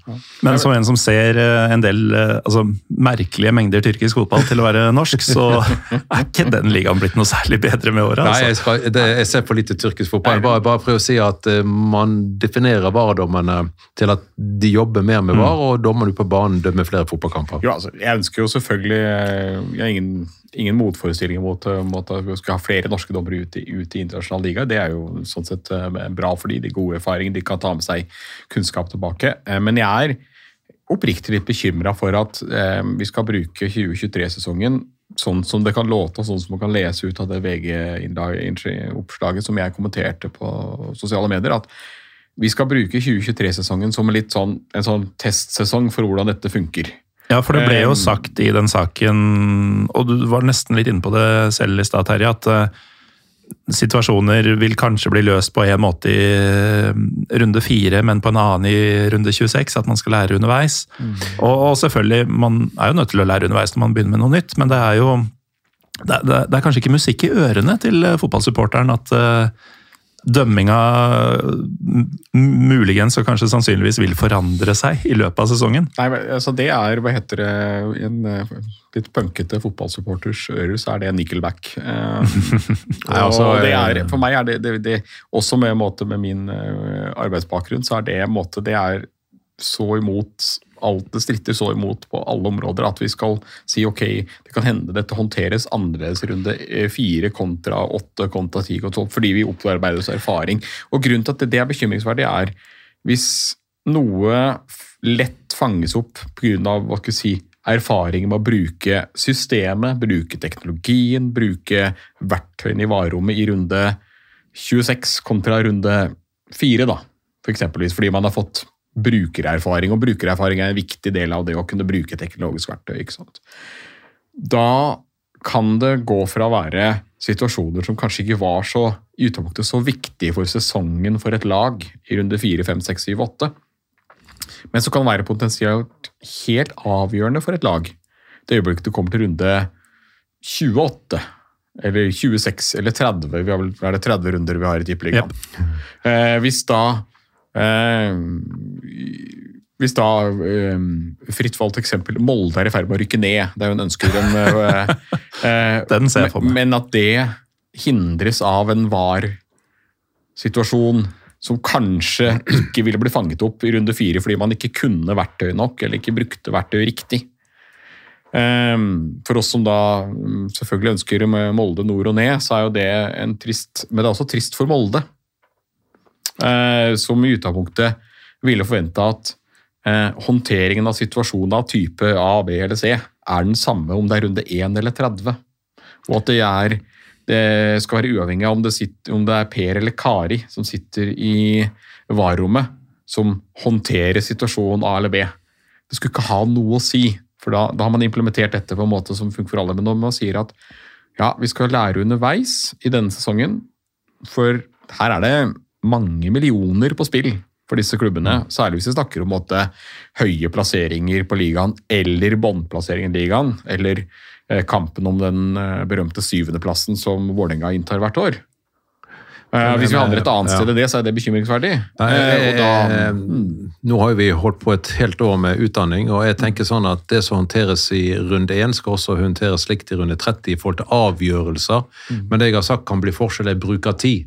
Og da trenger vi erfaring. Sant? Altså at ting går fortere, vi håndterer ting fortere, vi er flinkere å ha oversikt på kamera, går gjennom, finner rette vinkler veldig fortere, vi får se på repetisjon litt fortere. Sånn at jeg tenker at det som skal forandre seg i positiv retning, er bruk av tid. Mm. Men hvilke situasjoner vi skal gripe tak i, har vi en klar protokoll til. Vi har en klar føring, clearing obviously. Og så vil det kanskje være enkeltsituasjoner i 23 og 24 og 25 som Nei, dette her er ikke clear and obviously vi kan konkludere med i etterkant. Men uh, ut ifra hva vi har sett av bilder, eh, klipp, eh, situasjoner Vi har vært gjennom 150 situasjoner nå, og vi har prøvd å hva skal vi gripe tak i, hva skal vi ikke gripe tak i, så tror jeg vi er veldig uniformert ut ifra alle tester vi har sammen med våre norske dommer med en felles forståelse. Og heldigvis så har vi 25 ligaer vært ute før oss. Og har sett eh, spesielt dansk fotball, hvordan de har håndtert det. Og eh, prøver å ta læring av andre ligaer, sånn at ikke vi kanskje faller i samme fallgruve som tidligere. Og da handler det om å ta lista så høyt som vi kan i forhold til dette definisjonen clear and obviously. er det lov å si at det er litt heter det, typisk norsk å adoptere denne løsningen etter at andre land har gjort den en stund, så vi kan gjøre den bedre. Det er jo, en måte, det er jo litt sånn vi gjør. Jeg, Nei, men det handler jo om å lære av andre. Ja, ja, ja, det er viktig- det er viktig. La det. andre gjøre feilene, og så skummer man fløten av det etterpå. Om, ja, om ikke vi gjør altså Tanken er jo i hvert fall å lære av andre. Eh, og igjen, hvor justerer vi, hvor liste ligger vi på, og hvordan håndterer vi det. Og da har vi hatt eh, mange møteplasser med Danmark og danske kollegaer i forhold til at vi har vært der, de har vært her. Og vi har hatt operatører fra Danmark på besøk her for å ta læring av hva de gjorde første året som vi skal prøve å unngå det. Siden du nevner Danmark eh, opptil flere ganger nå, så tror jeg det var der. eh, Ta det med en klype salt, men det skjedde i en VAR-liga ganske nylig. At eh, det var en teknisk feil, om det var strømbrudd eller et eller annet sånt, som gjorde at man ikke, plutselig ikke kunne bruke VAR i en, i en vanlig seriekamp. I en liga der seriekampene har VAR. Jeg tror det var Danmark. Eh, den type scenarioer i Norge, altså la oss si at eh, Åråsen, eh, noen, eh, to meter høy skalla, skjeggete mann f.eks.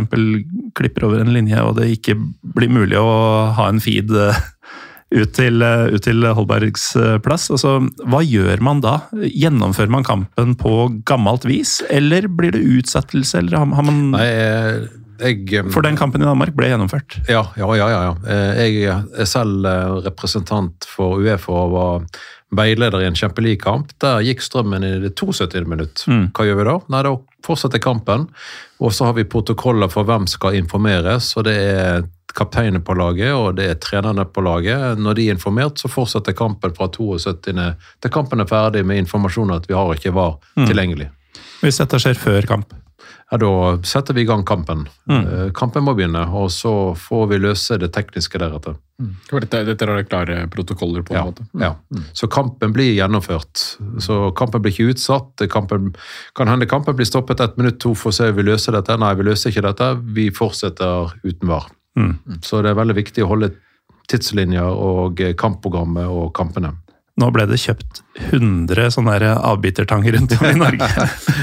Ja, kanskje det. Jeg, jeg har ingen, altså. Bare sånn Nei, eh, det, er, det er verktøy. altså Jeg, jeg, jeg bor jo et sted med Norges beste verktøybutikk rett borti gata, så da er det på en måte, jeg veit hvor jeg skal. Men Men vi, vi jobber jo hver dag eh, og har stor fokus på stadionopplevelse. Hva skal til for at VAR bidrar til at det blir en opplevelse også å være på stadion på lik linje som sitter hjemme i stua. Forskjellen kan bli at noen bilder blir vist på TV hjemme før det kommer opp på kanskje en storskjerm. Ja. Nå, drar du oss bak til det som det var Ja, litt av startpunktet vårt. Da, at stadionopplevelsen skal være det viktigste. Og Mm.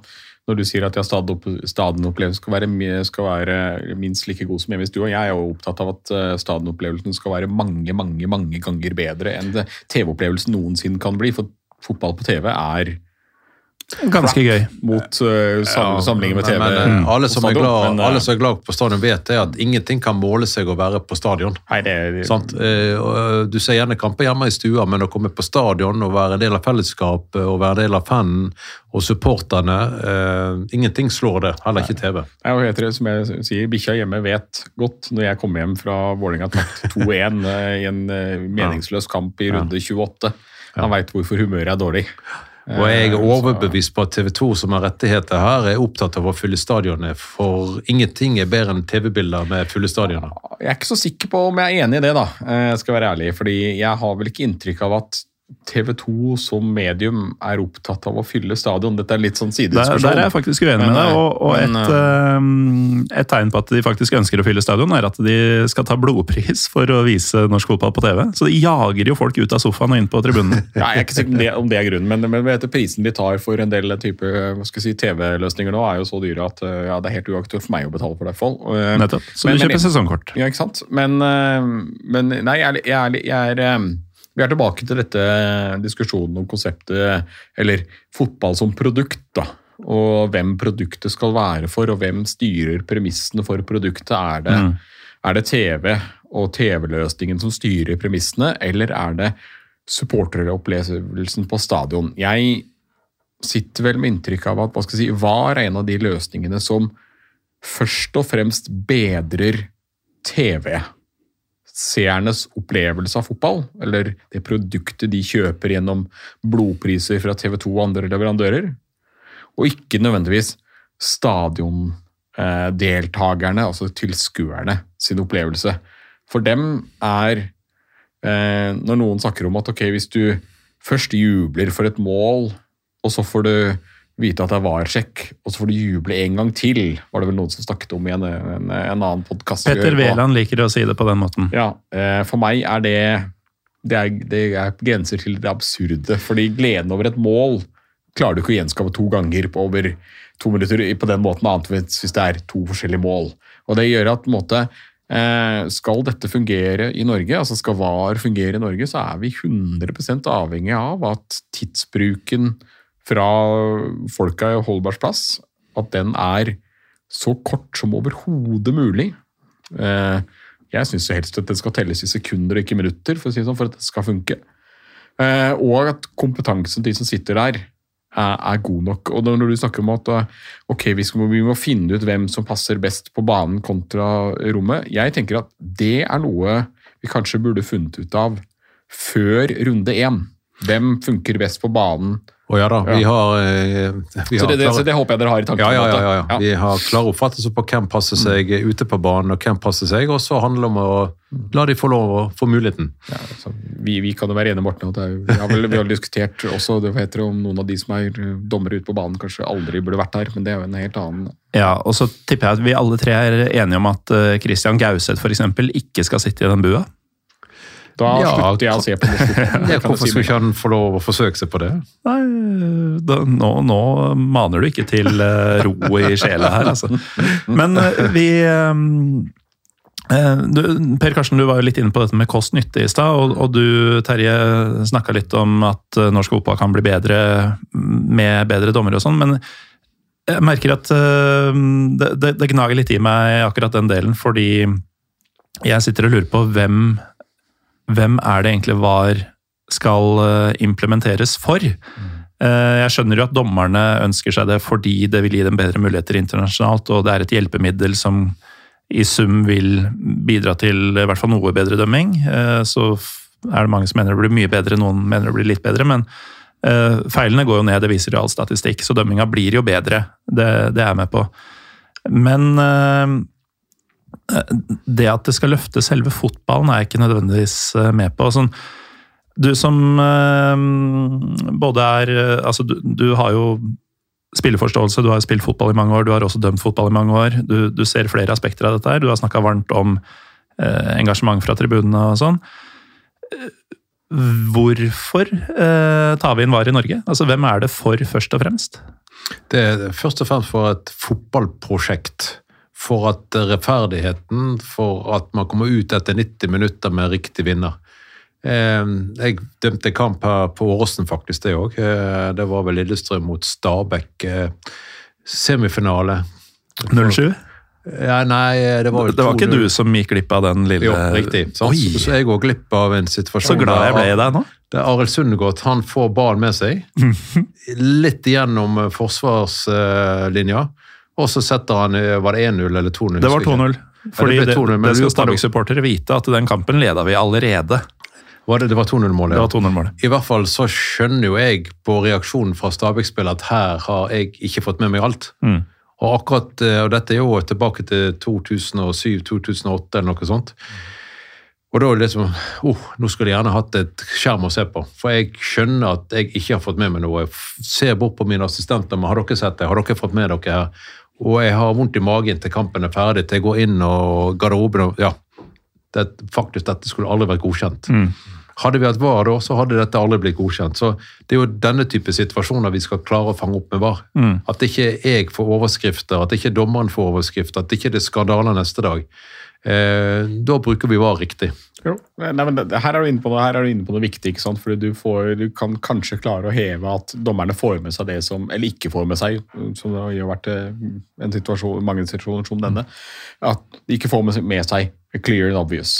Um, men jeg er ikke sikker på om um, VAR gjør at diskusjonene rundt hva skal jeg si, dommerfeil ikke blir noe særlig annerledes. Uh, og det har litt å gjøre med at eh, ok, hvis du har dommere i Norge, da, som eh, jeg har noen måter på lista mi, og dommere som jeg vet jeg kanskje ikke syns nødvendigvis har kompetansenivå til å dømme tippeliga, jeg er ikke sikker på om de kommer til å gjøre, min, kommer til å gjøre personlig mindre feil, som følge av at de har varer som støtteverktøy. Uh, um, utfordringen er heller at uh, disse dommerne som kanskje er på hva skal jeg si, Hvis vi har en skalering av kompetansenivå på dommerne i Norge, uh, de dommerne som i utgangspunktet kanskje er i den nederste pulja, og som kanskje er grenser til å egentlig ikke være gode nok til å dømme, dømme på dette nivået Jeg tror ikke de kommer til å gjøre mindre feil, men de kommer til å bli korrigert oftere. Hvorvidt det er kompetansehevende eller ikke, og for, måte få oftere beskjed om men dette der var ikke riktig avgjørelse, eller her må du gå tilbake og se, her må du gå tilbake og se. Jeg er ikke sikker på om de For meg er det noe mennesker ikke gjør, så er det å lære av feil. Vi gjør jo ikke det. Um, vi liker å tro det, men vi gjør ofte ikke det. Og da tenker jeg Diskusjonen etterpå, eh, som vi ser hvis jeg henger på fotballpuben jeg pleier å være på, og hører eh, engelske fotballsupportere snakke om at ja, men ja, VAR redda oss, eller eh, VAR ø, redda en elendig dommer. Det, dommerkritikken blir ikke noe mindre.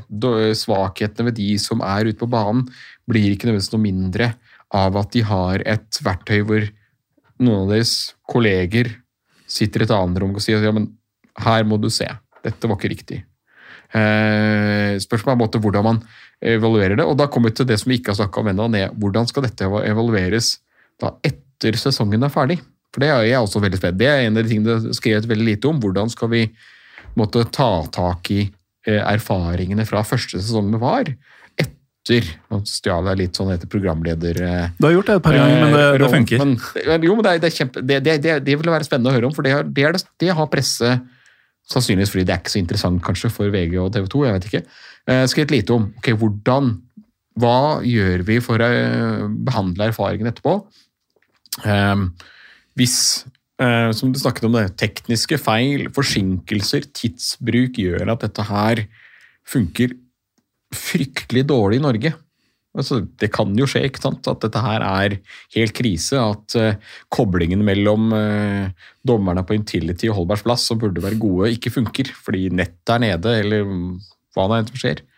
Hva gjør vi da? Skal vi da rulle tilbake løsningen? Skal vi jobbe med, skal vi sette inn mer penger på dette, eller skal vi se på en måte, ok, hvor skal vi heller sette i midlene? Det, det, det vil jeg være spent på etter en sesong hvor jeg vet at VAR kommer, selv om jeg ikke vil ha det.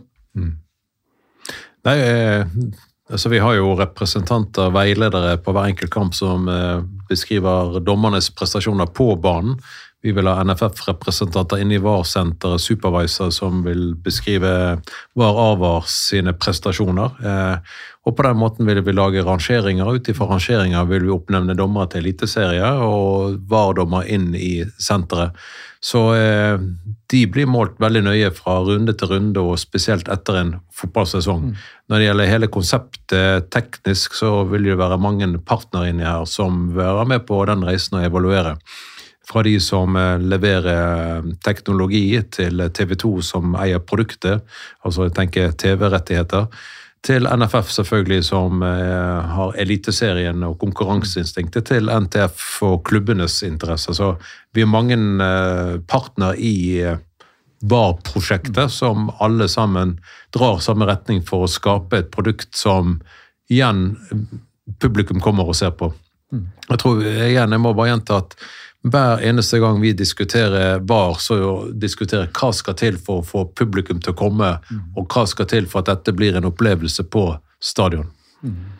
Vi eh, begynner å gå tom for tid, men eh, Pyro Pivo har jo en eh, ofte brukt gjest. Dessverre ikke så mye de siste åra.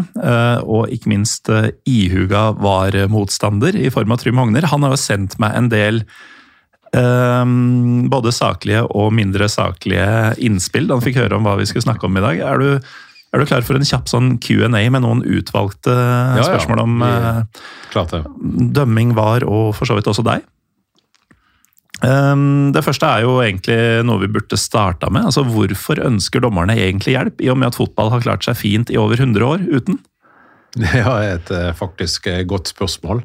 Eh, Dette, har, dette er et internasjonal standard. Uefa har kommet med VAR, Fifa har kommet med VAR, 25 ligaer har kommet med VAR. Vi må bare følge standarden, eh, tenker jeg, og så igjen utvikle produktet, utvikle fotballen med VAR i dette tilfellet. Det har jo vært spilleregler som har justert fortløpende i 30 år, så lenge jeg har vært med. Eh, Skeptiske er vi alle sammen, men ser etterpå at ja, det fungerte jo ganske bra, dette her. Um, det, det blir verre, skjønner du. Uh, dette er samme fyr som Har du sett Terminator-filmene? Eller noen av dem? Nei. Nei. Der uh, Altså Hva? Der er det jo sånn at uh, maskinene um, i framtida tar over verden. Um, og dette har starta med at et firma som heter Skynet ble launcha en gang på 90-tallet. Så det handler jo om at man sender folk tilbake i tid for å hindre at dette i det hele tatt skjer. Eh, Og han har jo da omtalt VAR som Skynet. Eh, Så der har du nivået på diskusjonen her, da. Men eh, med det i bakhodet Er ikke dommerne selv redde for at innføringa av teknologi i fotballen på sikt vil eliminere deres viktighet, og i ytterste konsekvens utradere behovet for dem fullstendig? Nei. Det, nei, nei, nei. nei. Eh, fotballen er avhengig av fotballspillere og av også fotballdommere. Og det tekniske, teknologiske kan aldri overta spillet, det skjønnsmessige avgjørelser ute på banen. Det er jeg ganske sikker på. Um, dette har du egentlig eller Mulig vi snakka mest om det i forkant av sendinga, faktisk, så vi kan ta det en gang til. men forholdet ditt, uh, altså din mening om dynamikken mellom dommere og fans. Uh, jeg veit at vi snakka om det før her. Er det altså, La oss si at du er ute på banen i en kamp hvor det koker. Internasjonal kamp, f.eks. Masse folk på tribunen, og du veit at du har gjort rett. Uh, når du da får kjeft fra det ene lagets ja, Hele det ene laget og publikum og sånn følelsen da? Er det, er det litt kos? Eh, nei, altså, jeg tror ikke du tenker så veldig mye over det, enten du har gjort rett eller galt. Du, du går jo på banen og tror du har gjort rett hele tida, ut ifra hva du har sett, eh, hvor du har vært, mm. Eh, observert, og så tar du en avgjørelse. Og det bygger på hva du tror, hva du mener. Mm. Og må vel ha kampen helt ferdig for å gå tilbake igjen og vurdere, for dette her er ofte marginale situasjoner, marginale avgjørelser. Eh, selvfølgelig har man en god magefølelse noen ganger, og noen ganger har man en dårlig magefølelse. Mm. Og når det koker på tribunen, så tror jeg bare dette skjerper alle sansene til fotballdommeren, enten man har god eller dårlig magefølelse på hendelser som har skjedd. Mm. Så kok på banen skjerper alle sanser til en fotballdommer. Kok på tribunen også? Ja. Mm. Det er bare å skjerpe alle sansene våre til å døpe litt mer, til å jobbe litt hardere for at uh, man skal komme seg helt i mål. Jeg tenker Vi kan avslutte med noe du egentlig var litt inne på tidligere, da vi prata om din dommerkarriere. Eh, hvor dette med mm, denne kommen eh, som dere bruker på høyt nivå, den forsvinner jo nedover i divisjonssystemet. Og assistentdommere, som jeg nå har lært meg at det heter, eh, de forsvinner jo helt. Så kommer du ordentlig langt ned i systemet. Da er det jo én en eneveldig dommer. Fra, fra du starta da, til nå, altså har det blitt et større sprik mellom proff og grasrot? Nei.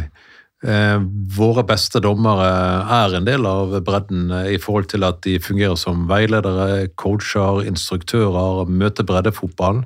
Eh, spriket er blitt større, ja, i forhold til eh, Arbeidsforholdene til dommerne? Arbeidsforholdene til penger, til eh, forventninger, til press, ja.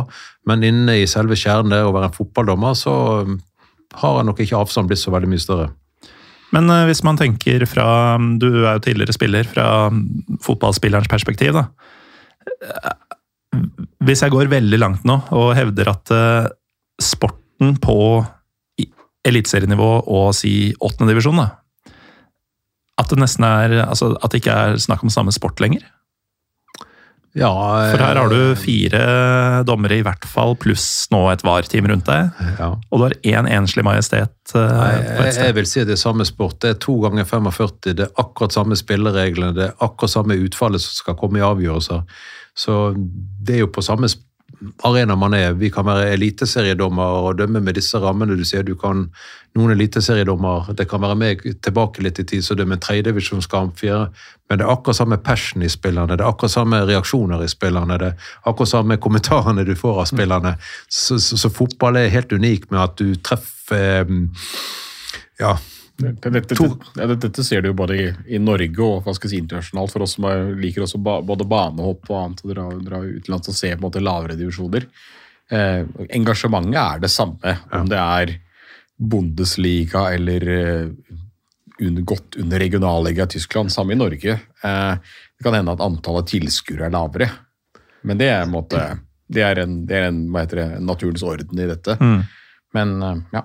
Ja, så Nei, ikke forskjell. Ja, rammer og vilkår forskjell, men fotball og passion og det er indre liv på banen. 22 spillere, dommerteam, det, det er som å være i åttende divisjon, som eliteserie. Mm. Vi, eh, vi, må runde av, men jeg tenkte um, dere kan få Og dette har jeg ikke skrevet inn i agendaen, så det er litt sånn Det er en skruball.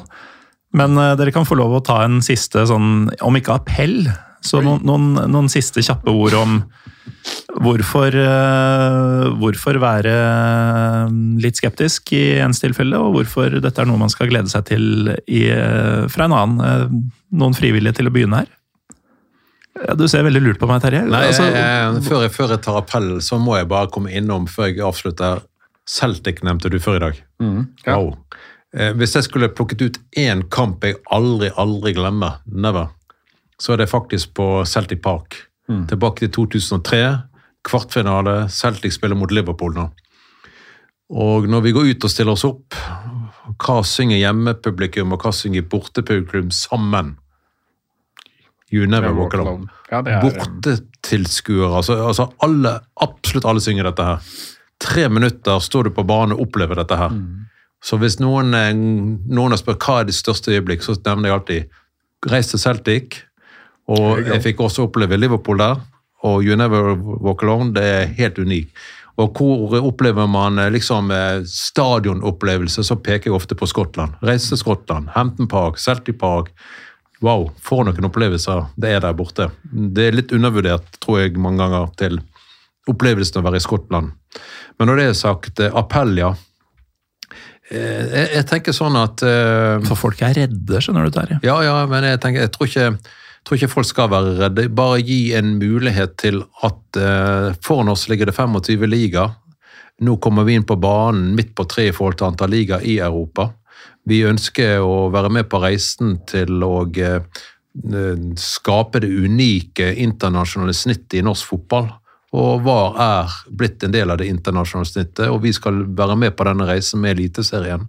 Og så skal vi som eh, har ansvar på vegne av dommerne, gjøre alt vi kan for at produktet utvikler seg, og produktet blir attraktivt, og ikke minst stadionopplevelsen blir, blir eh, utviklet videre med bruk av VAR. Det er attraktivt å være på stadion og være en del av dette.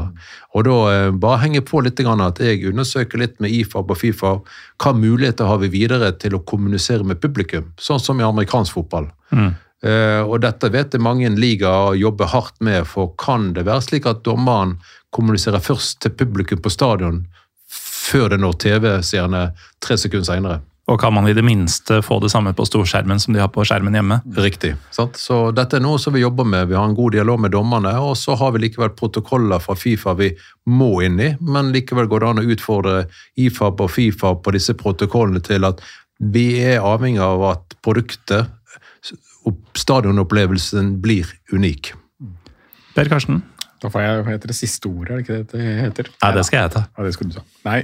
Ehm, jeg tenker at eh, tross min hva skal jeg si, skepsis til VAR som teknologisk hjelpemiddelløser og hvem det skal være til for Og norsk var-spesifikke argumenter argumenter som du har kommet Ja, ja. med i hopetall. Norske varespesifikke elementer som jeg måte er bekymret for, så, så er jo jeg er jo opptatt av at eh, det er publikumsopplevelsen på stadion som du snakker om, som er det viktige. Eh, jeg håper jo at dette her ikke blir nok en, kall det, stein til byrden for fans som sier, vet du hva, nå ser jeg det heller hjemme. Jeg har snakket med mange nok fans som snakker om at eh, ja, nå kommer VAR, det er ikke sikkert jeg kjøper sesongkort i år allikevel. Uh, og det, du er ikke aleine om å måtte ha den, eh, den holdningen, Morten. Eh, jeg snakker mange som sier at ok, nå, nå føler jeg at det dynamiske fotball er i ferd med å forsvinne også fra norsk fotball.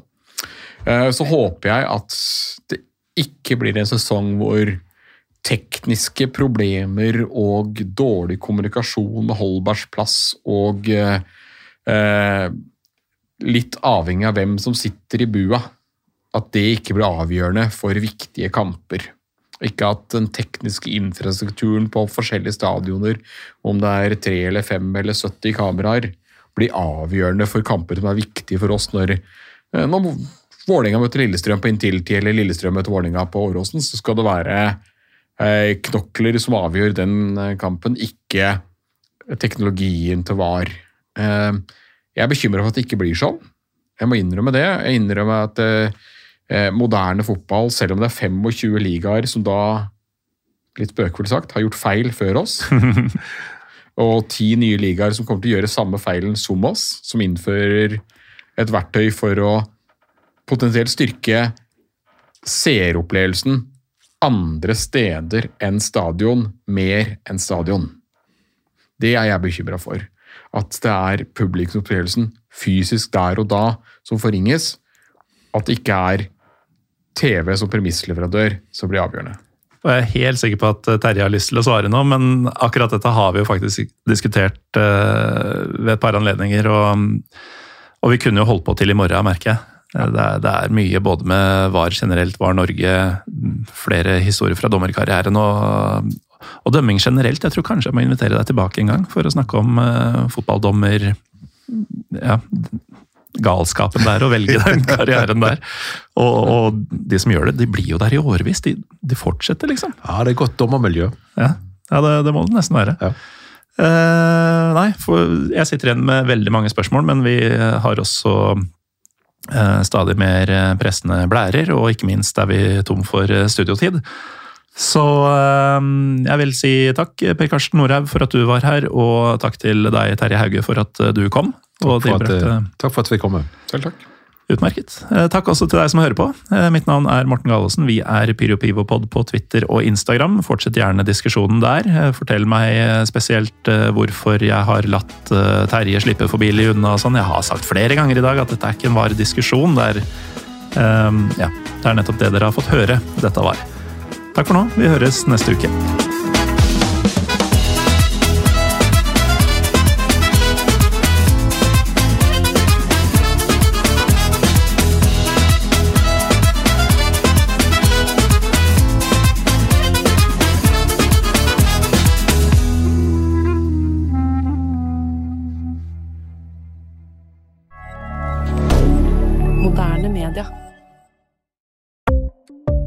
Ukens annonsør er HelloFresh.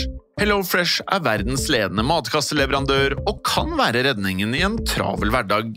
Mange av oss har nok vandret i butikken både sultne og uten en plan for middagen, som ender med at vi går for de samme kjedelige rettene gang på gang.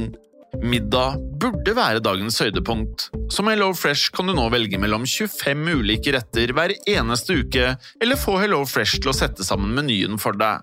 Dette gir deg muligheten til å prøve nye og spennende retter alene eller sammen med familien. Du velger antall porsjoner og får alt levert på døren på et tidspunkt som passer for deg. Oppskriftene er enkle, og maten er lett å lage både for store og for små. Ved å få alt levert hjem får du også mer tid til å dele matgleden med familie og venner. Kanskje det frister med asiatiske tacos eller greskinspirert kylling? Da kan jeg anbefale deg om å gå inn på hellofresh.no.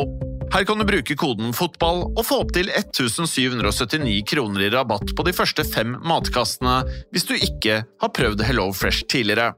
Du kan også bruke rabatten hvis du har vært kunde og stoppet abonnementet ditt for tolv måneder siden eller lengre. Gå inn på hellofresh.no og bruk koden FOTBALL. Har du et enkeltpersonforetak eller en liten bedrift? Da er du sikkert lei av å høre meg snakke om hvor enkelt det er med kvitteringer og bilag i fiken, så vi eh, gir oss her, vi. Fordi vi liker enkelt. Fiken superenkelt regnskap.